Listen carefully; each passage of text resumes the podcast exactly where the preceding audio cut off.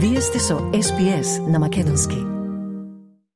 Слушате SBS радио, програма на македонски јазик. Денес со вас е Васе Коцев, а извештајот што сега ќе го слушнете го подготви нашиот соработник Бране Стефановски известува за повеќе теми кои ще го одбележа вчерашниот ден во Македонија, а се слуша поред извештајот ехото од македонско-бугарскиот спор во Европскиот парламент во Страсбур, лидерот на опозицијата Христијан Мицковски повика на масовен протест, протест против отварањето на нов бугарски клуб во Охрид, а Министерството за надворешни работи на Македонија апелира на зрело и достоинствено однесување. Нашиот соработник Бране Стефановски извештајот го започнува со состанокот на 44 европски држави, меѓу кои и Македонија во Чешка во Прага, каде што бараат решение за недостатокот на струја и газ.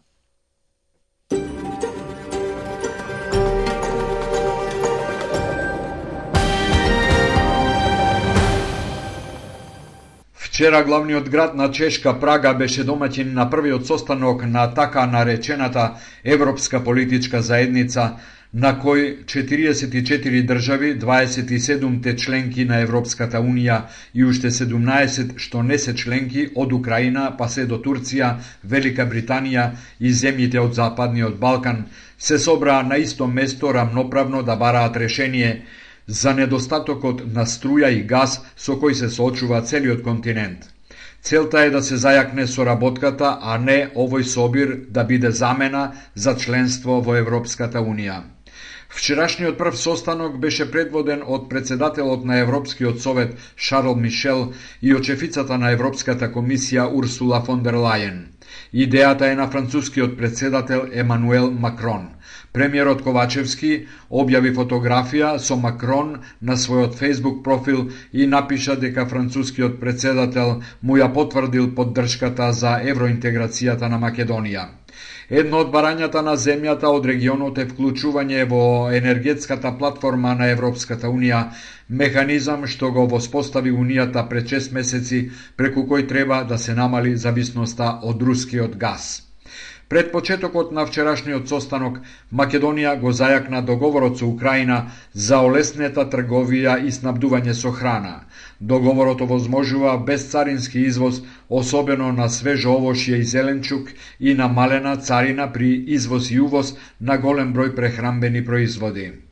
Македонско-бугарскиот спор се пресели во Европскиот парламент во Страсбур. За време на вчерашната дебата на Мешовитиот парламентарен комитет Македонија ЕУ, Бугарскиот европратеник Александар Јорданов и се обрати директно на пратеничката на НСДП Сонја Мираковска, велејќи дека Советот на ЕУ веќе има изнесено став во кој јасно е кажано дека Македонија треба да направи измени во својот устав, па потоа да ги почне реалните преговори за членство во ЕУ. Мираковска одговори дека таа е македонка и дека поради долгото чекање на земјава за почнување на преговорите со ЕУ се појавил проблем, а тоа се бугарските пасоши кои, како што рече, се издавани на нелегален начин. Вие мене, нити на моите сограѓани, никогаш не можете да, кажете, да им кажете дека зборат на погрешен јазик, јас сум македонка, зборувам на македонски јазик, се појави еден голем проблем заради нашето долго чекање, а тоа е земањето на бугарски пасоши. Вие имате бугарски пасоши кои се регистрирани на една бандера во град во Бугарија. Вие имате бугарски пасоши кои се дадени на сосема нелегален начин и тоа е нешто што треба да се испитува во едниот Мираковска како пример за мултиетничка толеранција ја наведе токму својата земја Македонија.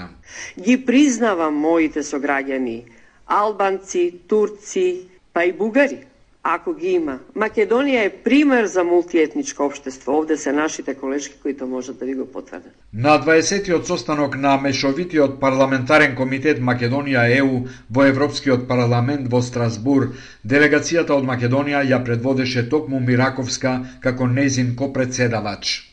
За денеска во Охрите закажано свечено отворање на нов бугарски културен клуб со име Цар Борис III. Председателот на ВМРО ДПМН е Христијан Мицкоски ги повика граѓаните на масовен протест на отворањето во Охрид. Ги повикува масовно граѓаните да излезат и да и да го поддржат тој протест, но исто времено исто времено тој протест апелирам да биде мирен и демократски и да не дозволиме а, било каков инцидент да дефокусира јавноста од реалните проблеми. Мицкоски додаде дека именувањето на бугарски клубови во земјава со имиња на фашистички соработници е чиста провокација и негација на македонскиот идентитет. Со реакција на социјалните мрежи под наслов Фашизам и ренесанса се огласи и председателот на партијата Достоинство Стојанче Ангелов. Според него отворањето на клубот е злонамерна провокација со што би се зголемила омразата меѓу Македонија и Бугарија. Во неговиот текст се вели – Исто како и првиот, така и вториот клуб, цар Борис III, се отвора за да биде оштетен, запален или уништен, со што би се продлабочила нетрпеливоста и омразата меѓу македонците и бугарите. Кој е реалниот инспиратор на овој валкан напад врз односите меѓу Македонија и Бугарија, меѓу македонците и бугарите и индиректно меѓу македонците и албанците? Особено сега кога Македонија е на почетокот на преговорите со ЕУ. На отворањето на клубот ќе се испосликаат неколку теми на домашни од неодамна освестени бугари со нивните гости од Бугарија и толку. Тешко дека по отворањето на клубот некој друг ќе влезе во него. Затоа што во Македонија речи си и да нема бугари, така велат резултатите од пописот, само 3505 мина бугари. Така зборуваат и резултатите од гласањето на бугарите од Македонија за парламентарните избори во Бугарија од пред неколку дена, само 650 гласачи, забележува Ангелов. На крајот на својот Facebook статус Ангелов заклучува дека целта на инспираторите на овој валкан напад би била остварена само тогаш кога и клубот Цар Борис III би бил оштетен, запален или уништен. Затоа колку и да е тешко да се одолее на оваа силна и провокативна дразба, сепак најдобар лек за неа е целосен игнор, пишува Стојанче Ангелов. Министерството за надворешни работи упати апел до сите граѓани, политички и неполитички групации, како што наведува за зрело и достоинствено однесување втемелено врз подчита кон правото на сите граѓани, без разлика на својата етничка припадност, да ја остваруваат својата уставно загарантирана слобода за здружување и за слободно изразување на својот став.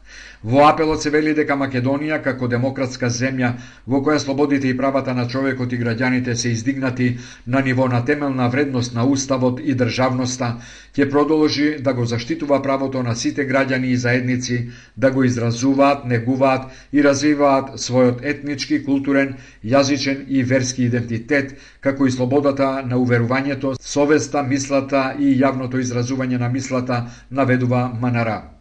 Пратениците размислуваат дали да донесат закон за амнестија со кој би се поништиле казните за граѓаните кои не можат да си ги платат за шетање за време на пандемијата, кога на сила беше забраната за движење.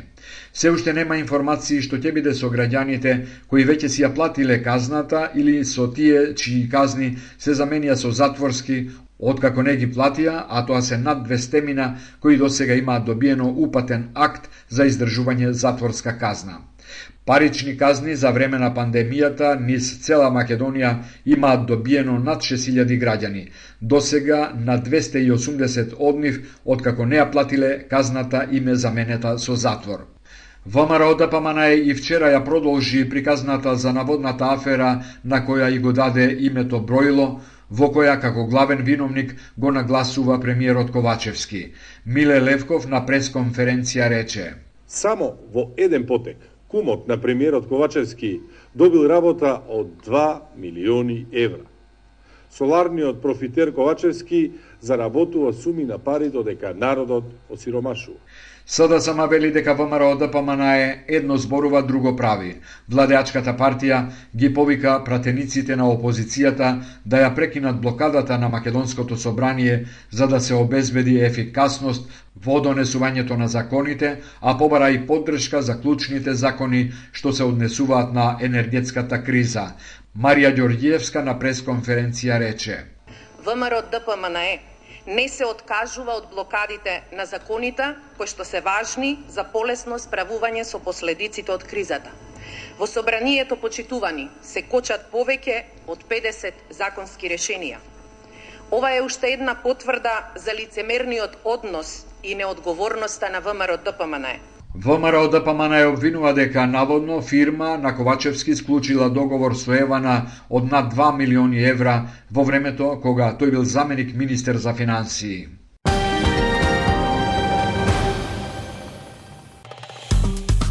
Стиснете, ми се допаѓа, споделете, коментирајте. Следете ја SPS на Македонски на Facebook.